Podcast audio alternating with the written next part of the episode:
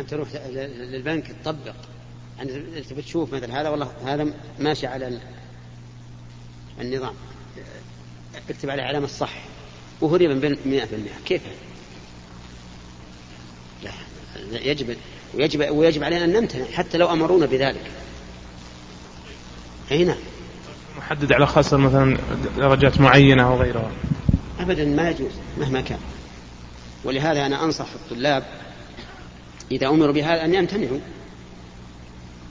لأن هذا إضراب عن معصية الله والإضراب عن معصية الله طاعة لله.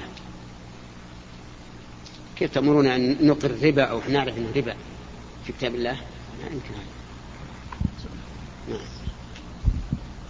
شيخ محمد ما أدري إذا كان إنسان يملك محل خياط وحط فيه عمال وتعامل معهم بالنسبة وقال كل شهر نسبة مثلا خياطة الملابس يكون بيني وبينكم كذا. نعم. فرأى أنه في كل نهاية شهر وهو يعطيهم مرتبات أنه يدفع إليهم مرتبات من جيبه وأنه خاسر في هذا المحل. فاتفق معهم بأن يدفعوا آجار المحل لصاحب العقار وأن يوافوه شهريا بخمسمائة ريال محددة. وباقي الأرباح لهم. يقول اعملوا هذا الشهر كاملا. إن ربحت خمسة آلاف أو ربحت مئة ريال توافوني آه، شهريا بخمسمائة ريال. وآجار المحل عليكم. وهم العمال تحت كفالته هو. والمحل باسمه أجار. فما رأيكم في هذا؟ وما رأيكم إذا كان يا شيخ محمد عمل هذا العمل وعندهم مال الآن من هذا؟ وهم موافقون ومسرورون بهذا العمال. أرى أن هذا لا يجوز وأن الواجب أن يعطيهم الأجرة التي اتفق عليهم معها عند العقد وهم في بلادهم. وكما قلت لك آنفا يعطيهم مثلا نسبة معينة على كل ثوب. على كل ثوب أو كل متر. ويسلم من شرهم. وأما ما ذكرت فإنه حرام عليه لأنه غرر وجهالة ومخالفة لنظام الدولة. أما المال الذي اكتسبه قبل أن يعلم فإن الله يقول في الربا فمن جاءه موعظة من ربه فانتهى فله ما سلف وأمره إلى الله. ومن عاد فأولئك أصحاب النار هم فيها خالدون. نعم. وإن لم يكن قد تصرف بالمال لا يزال يعني أبدا ما فعله قبل أن قبل أن يعلم وتاب فهو له.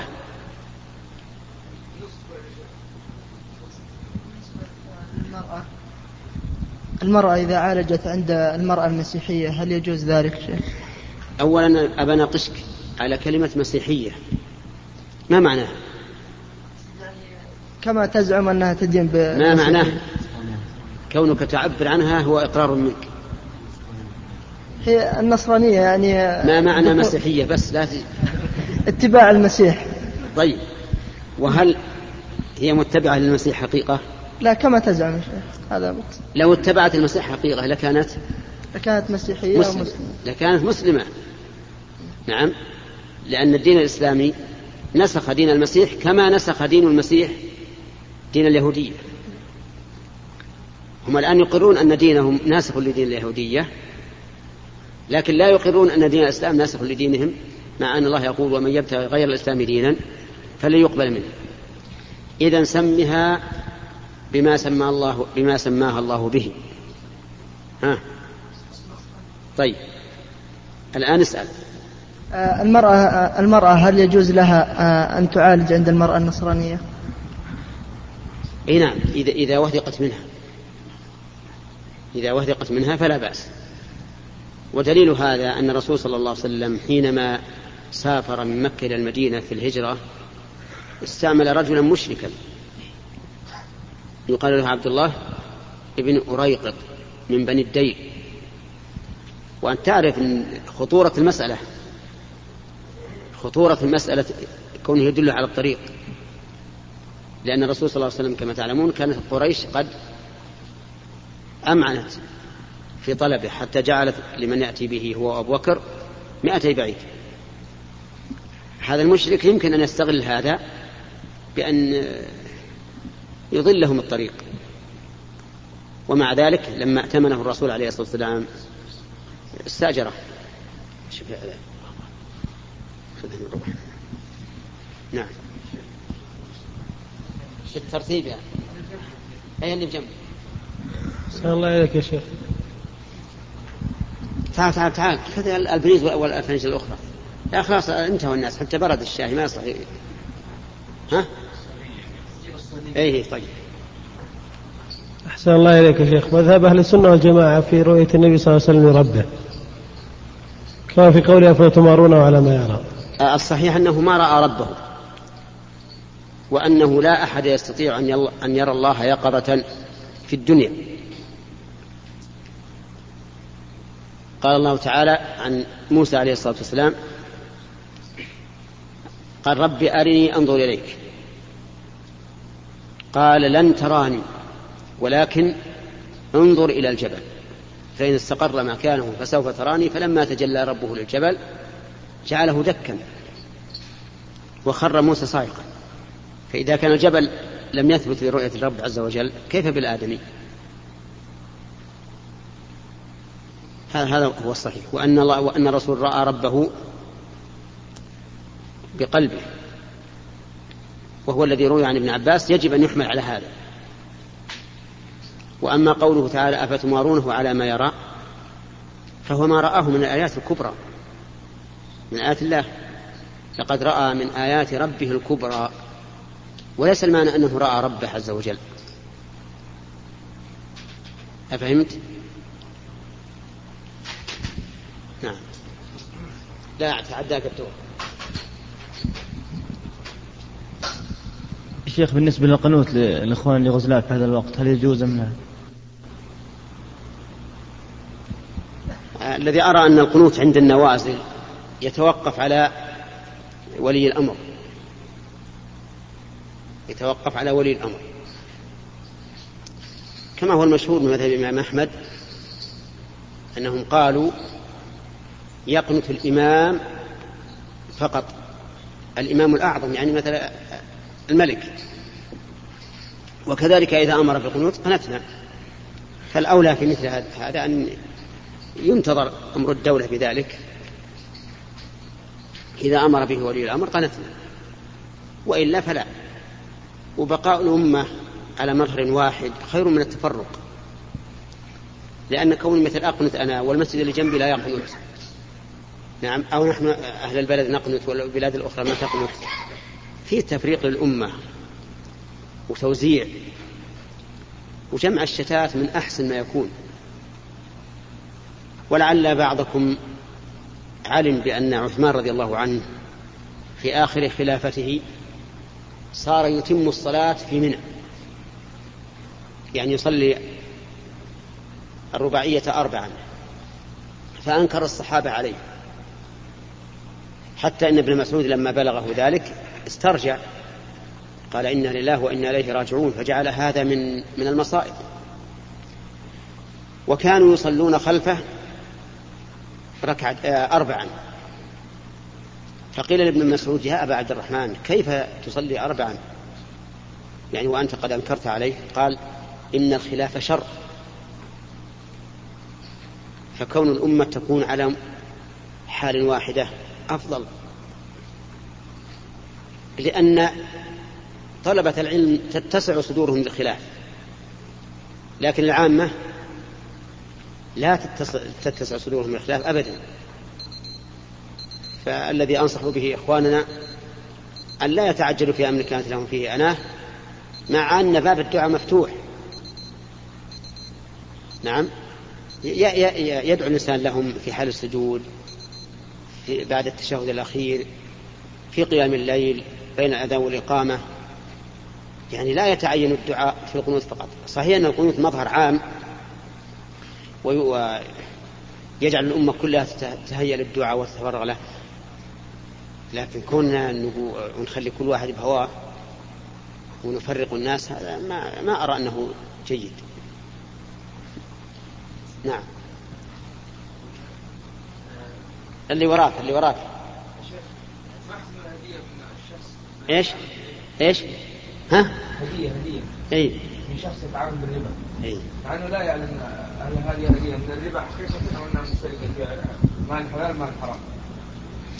سأسألك هل اليهود يأكلون الربا أو لا؟ ها؟ اليهود يأكلون الربا أو لا؟ اليهود يأكلون الربا أو لا يأكلونه؟ اليهود يأكلونه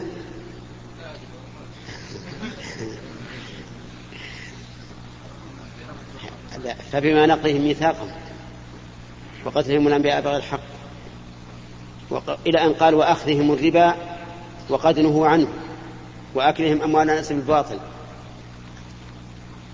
ومع ذلك قبل النبي صلى الله عليه وسلم هديتهم. قبل هدية المرأة التي أهدت إليه الشاة في خيبر وعاملهم ومات ودرعه مرهونة عند يهودي. ولهذا لدينا قاعدة أن ما حرم لكسبه فهو حرام على الكاسب فقط. دون من أخذه منه بطريق مباح. أفهمت القاعدة؟ ها. أصبر علمني ماذا فهمت منها. ما حرم؟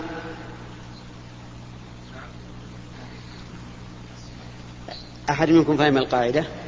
ها. ما حرم؟ لا ما حرم ما حرم. ما حرم على الشخص كسبه؟ ما حرم لكسبه يعني ما حرم بسبب الكسب. لا يحرم على من الحلال أين؟ والهدية. هدية من ماله ربا يجوز قبولها. البيع والشراء معه يجوز. إلا إذا كان في هجره مصلحة. يعني في عدم معاملته. وعدم قبول هدية مصلحة.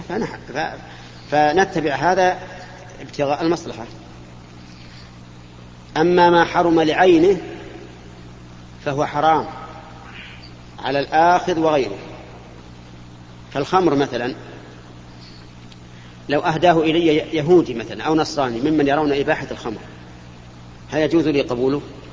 لا لأنه حرام علي لعينه إنسان سرق مال شخص وجاء أعطاني إياه هذا المال المسروق.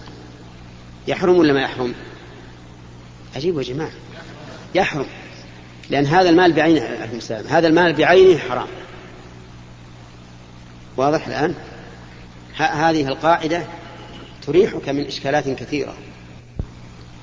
ما حرم لكسبه؟ عجيب. ما حرم لكسبه؟ فهو حرام على الكاسب. دون من أخذه بطريق حلال إلا إذا كان في هجره وعدم الأخذ منه عدم قبول هديته وعدم المبايعة معه والشراء مصلحة تردعه عن هذا العمل فهذا يهجر من أجل اتباع المصلحة من أجل ابتغاء المصلحة. حتى الأكل. أليس النبي عليه الصلاة والسلام قبل دعوة اليهود وأكل من طعامه؟ وأكل المرأة أيضا. نعم. ودنا بالترتيب يا أخوان. يلا تفضل. يا شيخ ما حكم الدجاج الوطني بالنسبة الذي يجهل يعني ذكاته؟ يجهل إيش؟ يعني ما يدري كيف كيفية ذكاته. كيف ذكي؟ كيف ذكي نعم. إيه. ثبت في صحيح البخاري عن عائشة رضي الله عنها أن قوما أتوا النبي عليه الصلاة والسلام فقالوا إن قوما يأتون باللحم. لا ندري أذكر اسم الله عليه؟ أم لا؟ قال سموا أنتم وكلوا. قالت وكانوا حديث عهد بكفر. يعني إلى الآن توهم مسلمين لا يدرى هل, هل يسمون أو لا. فقال سموا أنتم وكلوا. فأباح الأكل وإن كنا لا ندري هل سمى أو لا. كذلك يباح الأكل وإن كنا لا ندري هل ذبح على طريقة سليمة أو غير سليمة. لأن, لأن, لأن الفعل إذا صدر من أهله هذه أيضا قاعدة خذوها. إذا صدر الفعل من أهله فالأصل صحته ونفاذه. الأصل أنه صحيح نافذ إلا بدليل. فإذا جاءنا مذبوح من مسلم أو من يهودي أو نصراني ما نسأل عنه ما نقول كيف ذبح ولا هل سمي عليه أو لا. فهو حلال. ما لم تقم بينة على أنه حرام وهذا من تسير الله. ولا كان مشكل كان كل ما قدم لنا ذبح مذبوح نسأل من اللي ذابح فلان. طيب اسأل عنه هو يصلي ولا هو بيصلي؟ قالوا يصلي. اسأل عنه هو سمى ولا ما سمى؟ نعم. قالوا سمى. طيب اسأل عنه هل أنهر الدم ولا غال غول مشكل. لكن من تيسير الله أن الفعل الصادر من أهله الأصل فيه؟ الأصل فيه الصحة والنفاذ أنه صحيح نافذ. هذا الأصل إذا صدر من أهله إلا بدليل. وحينئذ ولما كان هذا السؤال عن الأكل أكل الدجاج وأضيف إليه أكل اللحم أيضا فليكن آخر سؤال لأن الغداء قد قرب أيضا والأكل قريب إن شاء الله. ونسأل الله تعالى أن يملأ قلوبنا علما وإيمانا وأن يغنينا بفضله عمن سواه. وهذا ختام المجلس لأنه لم يبقى إلا دقيقتان أو ثلاث دقائق على الأذان والوقت قصير فنستدعكم الله إلى لقاء آخر. والسلام عليكم ورحمة الله وبركاته. يسألون. فيتخوفون من الإجابة خوفا من الفتوى بغير علم ويتخوفون كذلك من عدم الإجابة بكتم العلم. نعم. فما هو الفيصل في ذلك حتى يسلموا من كلا الأمرين؟ نعم. آه، الفيصل في ذلك أن يتورعوا ويدعوا الفتوى إلا إذا كان عن علم. لأن الله فصل ذلك تماما. فقال ولا تقف ما ليس لك به علم. إن السمع والبصر والفؤاد كل أولئك كان عنه مسؤولا. وقال تعالى قل إنما حرم ربي الفواحش ما ظهر منها وما بطن والإثم والبغي بغير الحق وأن تشركوا بالله ما لم ينزل به سلطانا وأن تقولوا على الله ما لا تعلمون. فهذا هو الفيصل. وينجون من كتم العلم أن نعم. من كتم العلم أن نقول هم لم يعلموا حتى يكتبوا. لو علموا أن الحكم كذا وكذا وجب عليهم أن يبين لكن ليس عندهم علم. بعض المسائل الظاهرة. حتى أحيانا تكون الظاهرة عن- عند الناس غير الموافقة للحق. يعني لا يمكن أن تسمى فتوى يعني مثلا لو سئل عن الربا هل حرام أو حلال؟ نعم يقوم حرام أو قضايا الصلاة.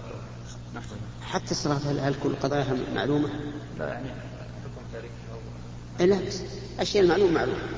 لكن ما دام عندهم إشكال أو تردد يجب عليهم الامتناع. وفي هذه الحال ينبغي لهم أن ي- أن يطلبوا من ال- الإخوة السائلين كتابة ال- الكتابة كتابة الأسئلة. كتابة الأسئلة ثم يع- يعرضها هؤلاء على أهل العلم. وإذا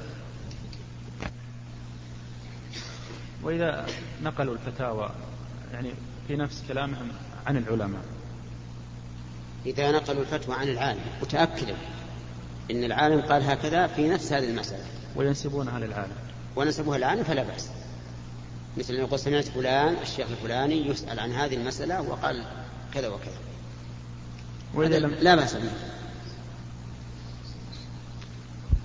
عليكم السلام. بسم الله الرحمن تفضل. بسم الله الرحمن الرحيم. هل يلزم من سوق الهدي أن يكون الإنسان قارن مع المكة؟ سوق الهدي مسنون وليس بواجب. لأن النبي صلى الله عليه وسلم فعله ولم يأمر به. والأصل فيما فعله النبي صلى الله عليه وسلم تعبدا دون أمر أنه مسنون. لا لا لا. أن تسأل تقول هل يجب على من أراد القرآن أن يسوق الهدي؟ هل ممكن أصير متمتع؟ لا. إذا كن إذا سقت الهدي لا يمكن أن تكون متمتع لأن المتمتع لا بد أن يتحلل من العمرة. طيب والتحلل من العمرة لا يمكن مع مع سوق الهدي. طيب ما تعطى شركة الراجحة الحين؟ ما يكون سوق هدي؟ لا لا هذا سوق هذا هذا سوق سوق قروش هذا ليس سوق هدي. يكون شروا قبل ما نروح مكة. لو شروا ما هم يسوقونه هم ما يشترونه إلا, إلا, إلا إما من الخارج أو من مكة.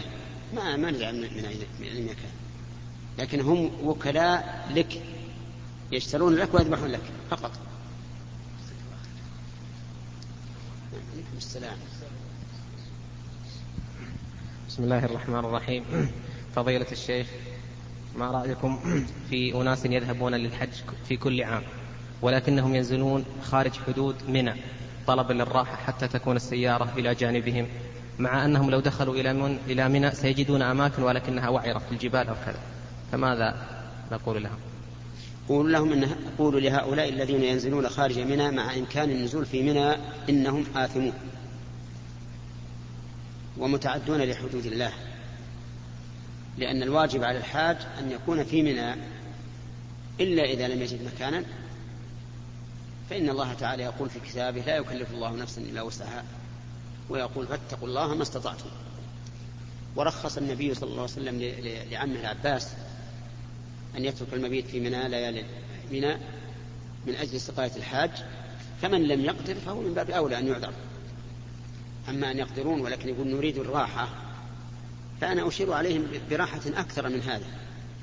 أن يبقوا في بيوتهم حتى لا يتكلفوا عن السفر والنفقات ومفارقة الأهل. والحج لا بد فيه من المشقة لأنه جهاد. كما قال النبي عليه الصلاة والسلام حين سألته عائشة هل على النساء جهاد؟ قال نعم. جهاد لا قتال فيه الحج والعمرة. وقال تعالى وأنفقوا في سبيل الله ولا تلقوا بأيديكم إلى التهلكة وأحسنوا إن الله يحب المحسنين وأتموا الحج والعمرة لله. فذكره إتمام الحج والعمرة لله بعد الإنفاق في سبيل الله يدل على أنه نوع من الجهاد. وهو كذلك. الأخ عبد الله.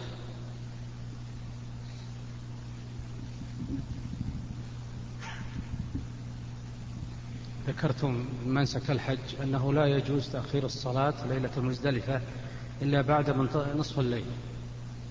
إلى بعد نصف الليل. أنه لا يجوز تأخيرها. لا يجوز تأخيرها. الصلاة ليلة المزدلفة إلى بعد نصف الليل. نعم. هل يمكن البقاء بعرفة للصلاة خاصة إذا كان معهم نساء مع توفر الماء بدلا من بقائهم بالحافلة حوالي ست ساعات وقد لا يمكنهم الانحراف عن الخط مع حاجتهم إلى الماء؟ ولم يتمكنون من الوصول إلى مزدلفة إلا بعد نصف الليل حين انصراف سيارات معظم الحجاج إلى منى. نعم هذه بارك الله فيك. إذا كانوا يخشون أن لا يصلوا إلى منى إلا بعد إلى مزدلفة إلا بعد نصف الليل فإنه بمجرد غروب الشمس يصلون المغرب والعشاء في عرفة ويمشون. يعني ما ما يتجاوز نصف ساعة. يمكن إذا حملوا تقف السيارات قبل أن تركب الخط العام. تغرب الشمس ويبقى ربع ساعة وأحيانا نصف ساعة وأنت ما ركبت الخط العام. فمثل هذا يمكنهم إذا خافوا أن لا يصلوا إلى مزدلفة إلا بعد نصف الليل يمكنهم أن يصلوا في عرفة. نعم. بسم الله الرحمن الرحيم. سؤال الشيخ رجل يعمل لدينا في القصيم. متغيبا عن أهله ثلاث سنوات. وتتصلت عليه أو تتصل عليه زوجته أكثر من ثلاث مرات تقول ارجع.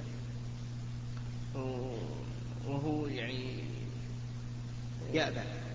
لا لا يأبى. ولكن يقول إذا رجعت إلى أهلي لدي هناك غرماء.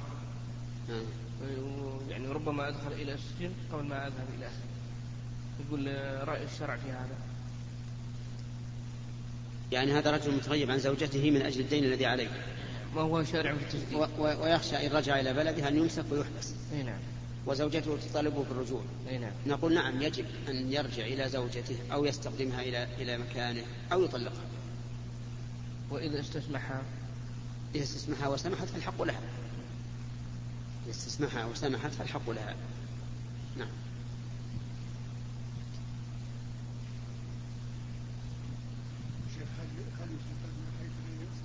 من هل يستفاد من الحديث الذي صدقتم به اللقاء أن الحج أفضل من الجهاد في سبيل الله؟ من أي ناحية؟ من ناحية بقي به ولا الجهاد في سبيل الله نعم. قال ولا الجهاد في سبيل الله إلا رجل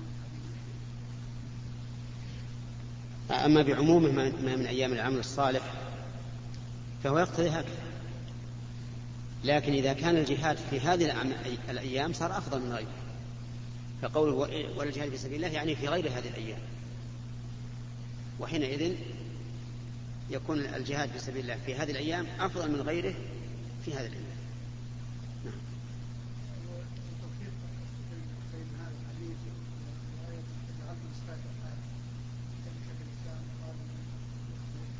إيش؟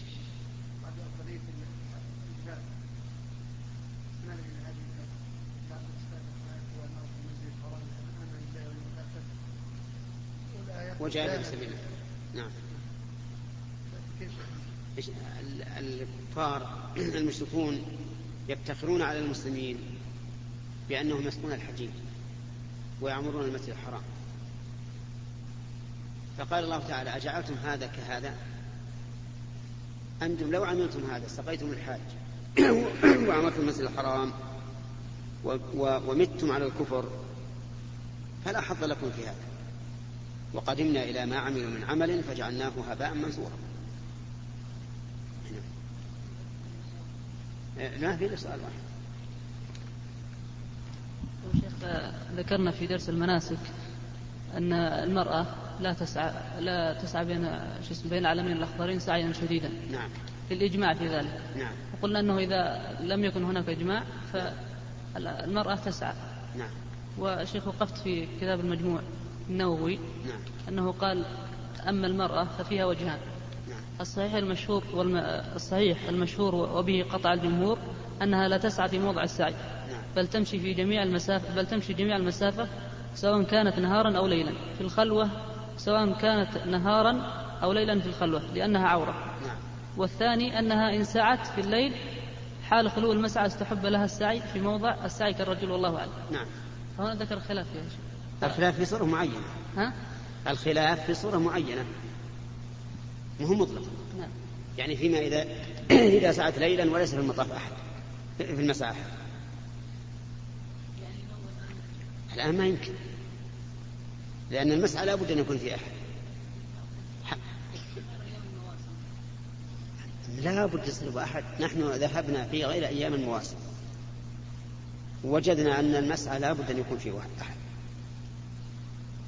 فالخلاف في هذه الصورة المعينة لأنها هي التي تشبه حال أم إسماعيل. أم إسماعيل ما عندها أحد عرفت؟ هذه متى متى تأتي؟ إذا أتت منك. يكون هذا هو القول الصواب. لكن هذه ما تأتي. نعم. بسم الله الرحمن الرحيم. السلام عليكم. ورحمة الله وبركاته. السلام ورحمة الله وبركاته. هذا شخص رضع من امرأة ولها بنات. نعم. شخص رضع من امرأة نعم. ولها بنات. نعم.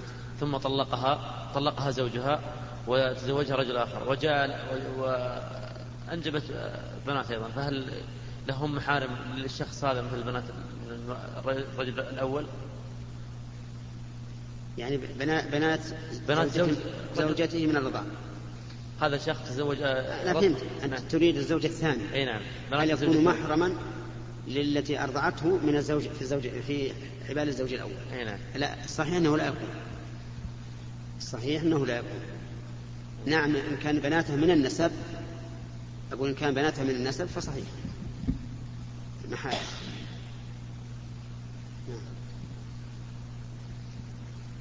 بسم الله الرحمن الرحيم. السلام عليكم ورحمة الله وبركاته. السلام ورحمة الله وبركاته. فضيلة الشيخ شخص مسلم كان معه شخص كافر فانقلب فمات الشخص الكافر. ماذا يلزمه؟ انقلب إيش؟ انقلب المسلم والكافر جميعا. وهو يمن عليه. لا في الطريق. انقلب عليه في الطريق؟ السيارة ها، كذا انقلبت السيارة. اي نعم. فتوفي الشخص الكافر. ما- ماذا يلزمه تجاهه؟ هذه ترجع المحكمة. يذهبون إلى المحكمة ولتحكم به إن شاء الله والخير طيب سؤال آخر. السؤال الآخر للأخ.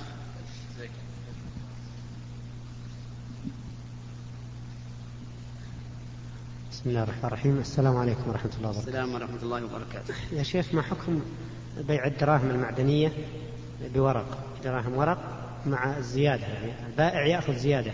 كان يبيع التسعة بعشرة. نعم.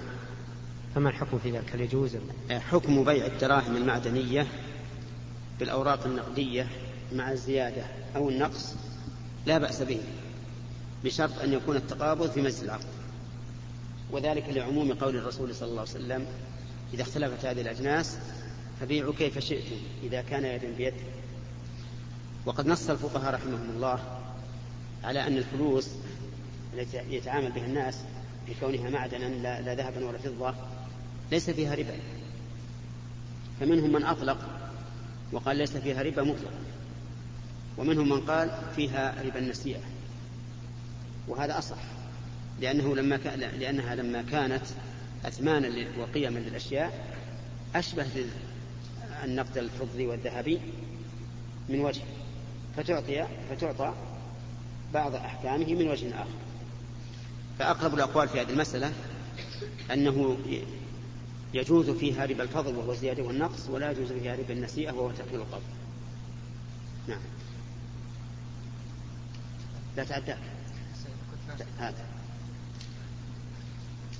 بسم الله السلام عليكم ورحمة الله وبركاته. السلام ورحمة الله وبركاته.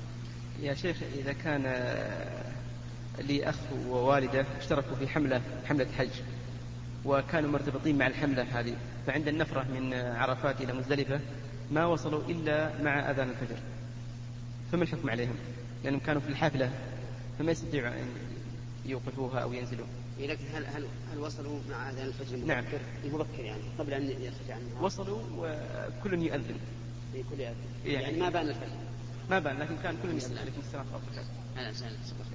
وصلوا لما يقول وصلنا سمعنا كل واحد يؤذن. المهم إنه ما بان الفجر ما طلع الفجر لا ما طلع ما الصحيح في هذه المسألة أن الإنسان إذا حبسه حابس ولم يصل إلى مزدلفة إلا وقت صلاة الفجر المبكرة وصلى الفجر هناك أنه لا شيء عليه.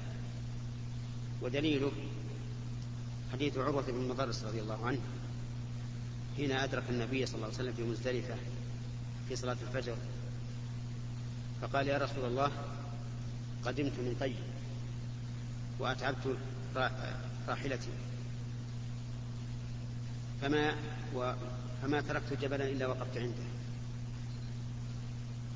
فقال فقال له رسول الله صلى الله عليه وسلم من شهد صلاتنا هذه ووقف معنا حتى ندفع وقد وقف قبل ذلك بعرفة ليلا أو نهارا فقد تم حجه وقضى تفته نعم. الشيخ قلنا يا شيخ في مسألة في الأضحية هي المناسك قلنا أن أن الحديث الوارد عن النبي صلى الله عليه وسلم في الأضحية التي لا تجزي أربعة أشياء وقسنا عليها بعض الأشياء التي إما أن تكون أولى أو تكون ظاهرة القياس للعلة بينها. طيب الشيخ قد يقول قائل أننا نقيس على بعض الأركان مثل أركان الصلاة آه، قصدي مثل أركان الإسلام نقيس أمور أخرى أو كذا على ما هي محددة في- آه، الحديث.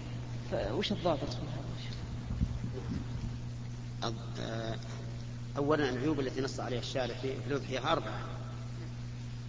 لأنه سئل ماذا يتقي من الضحايا فقال أربعا وأشار بيده. العوراء البين عورها والمريضة البين مرضها والعرجاء البين ضلعها والعجفاء التي لا تنقل. فهذه أربعة عيوب ونحن نعلم أن الشريعة مبنية على الحكمة. فإذا نص الشارع على شيء كان نصا على عليه وعلى ما في معناه أو أولى منه. أما مسألة الأركان أركان ال- ال- الإسلام لو أراد أحد أن يقيس عملا صالحا على ركن من الأركان منعناه أولا لأنه من باب فعل الأوامر ليس من باب الأوصاف التي علقت بها الأحكام. ولا يمكن أن نثبت أمرا إلا بإذن الشرع. الثاني أننا نقول لكل من أراد أن يلحق شيئا من غير أركان الإسلام بأركان الإسلام أن نقول من قال لك إن هذا الشيء الذي تريد إلحاقة؟ يساوي عند الله ما يساويه الركن. لا يمكن. فلهذا يمتنع القياس في الأوامر. ما يمكن تقيس عليها شيء. تقول إذا أمر الشرع بهذا أمر بهذا.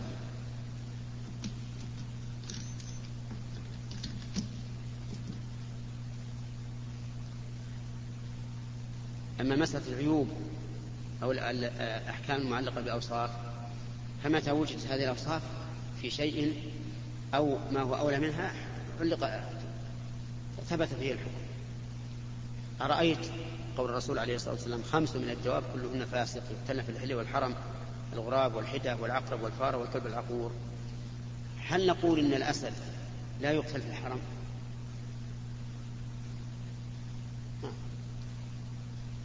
ما تقول يا جماعة؟ يقتل أولى من الكلب العقور. هل نقول إن الحية لا تقتل في الحرم؟ ها؟ لا لا نقول هذا نقول تقتل. لأنه إذا كان نص على العقرب فالحية أشد ضررا منه. فإذا نص على شيء ثبت الحكم فيما فيه فيما هو مثله أو, أو أولى منه. نعم. جزء. خلاص. ما هم؟ هذا سؤال ثاني. عطل الأخ الجمع طيب تفضل. عليكم السلام. بسم الله الرحمن الرحيم. آه، ما ما صحة آه، الحديث القائل من حج ولم يزرني فقد جفاني نعم. الحديث الذي يروى عن الرسول عليه الصلاة والسلام من حج فلم يزرني فقد جفاني حديث موضوع مكتوب على الرسول عليه الصلاة والسلام. أولا أن زيارة النبي صلى الله عليه وسلم لا تمكن بعد موته. لأنه يقول لم يزرني. كيف يزور الرسول وهو مقبور؟ فالزيارة إن ثبتت فهي للقبر.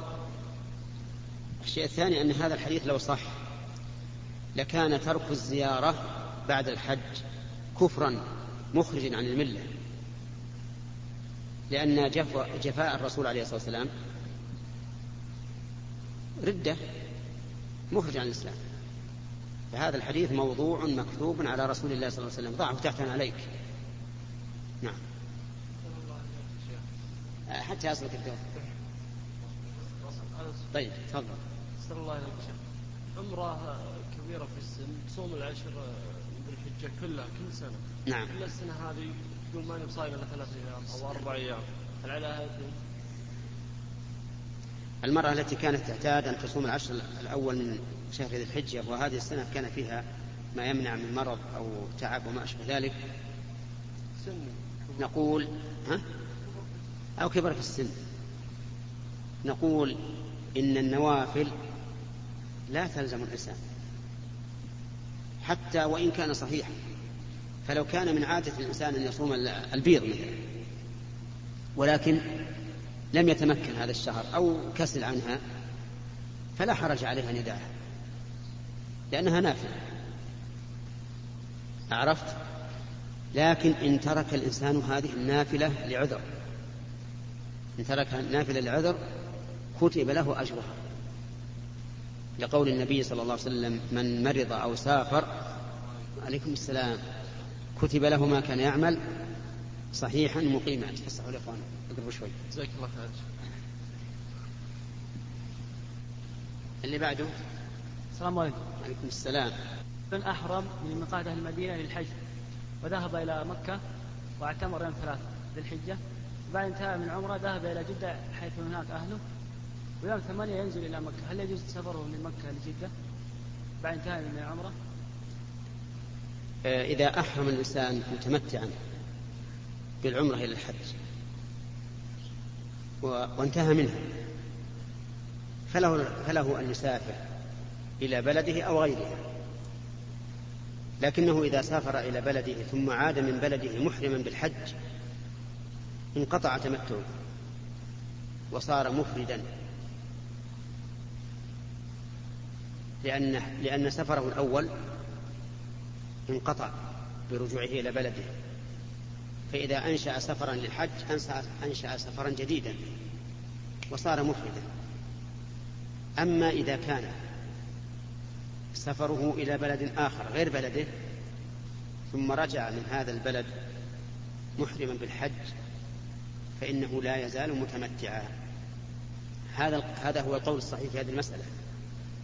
ومن العلماء من قال إذا سافر بين العمرة والحج مسيرة قصر انقطع التمتع سواء سافر إلى بلده أو إلى غير بلده. ومن العلماء من قال إذا سافر لم ينقطع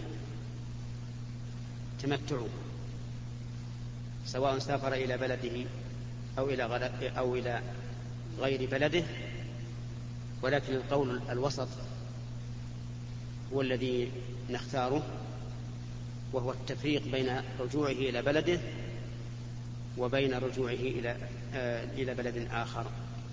وهو الذي روي عن أمير المؤمنين عمر بن الخطاب رضي الله عنه. وهو الذي يقتضيه المعنى. لأن حقيقة الأمر أنه إذا رجع إلى بلده ثم عاد منه محرما بالحج حقيقة الأمر أنه لم يحصل له التمتع بين العمرة والحج في سفر واحد بل هما سفران مستقلان أي مستقل كل واحد كل واحد منهما عن الآخر.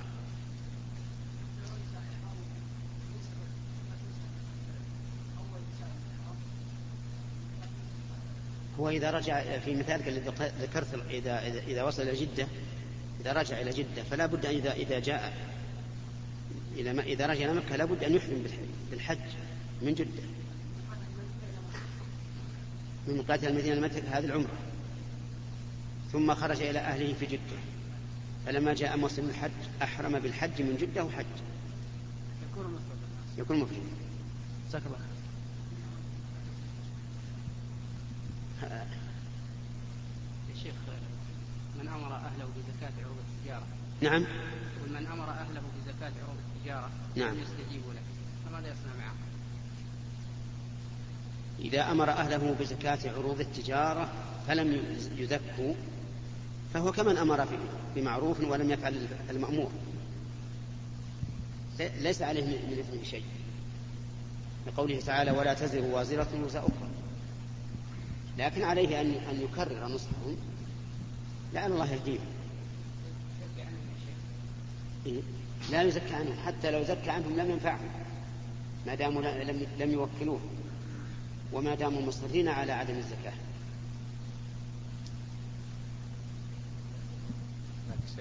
رجع ل... عليكم. يا فضيلة الشيخ. نعم. كتاب عنوان دروس وفتاوى الحرم في الحرم المكي. إيش؟ دروس وفتاوى في الحرم المكي. فضيلة إيه؟ نعم. في سؤال موجه لكم. ما رأي فضيلتكم فيما يفعله بعض التجار من توزيع قروض على معروضاتهم إيش؟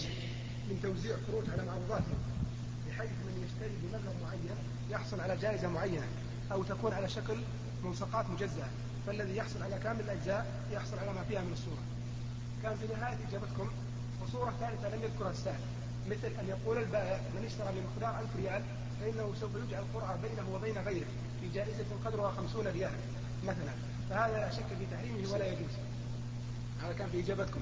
نعم. وأنا سمعت من أكثر من شخص أنكم أجزتوا لبعض المحلات في مثل الأسواق العزيزية. نعم. أنهم يضعون سيارات جوائز نعم. ويكون في قرعة للمشترين. فمن تكون من نصيبه يأخذها. نعم. الفرق الفرق بينهما؟ أنه إذا كان المشتري يشتري بالثمن المعتاد بدون زيادة ولا أخذ منه شيء فهو إما سالم وإما غانم. وفي المثال اللي ذكرنا يدفع. يدفع. أي نعم لكن هو يدفع شيء قبل أن يساهم. فإذا دفع شيئا فإما أن يكون غانما وإما أن يكون غارما.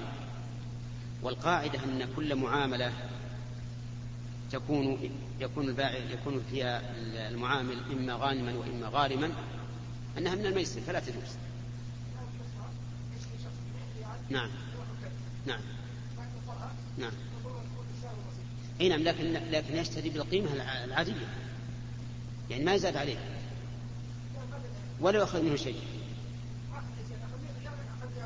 إيه أغراض لكن القيمة واحدة. ما فيها شيء نعم.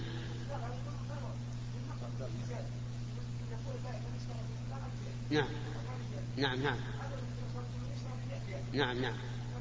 إيه هذا هذا جائز. هذا اقرأ اقرأ اقرأ الكتاب. نعم. نعم.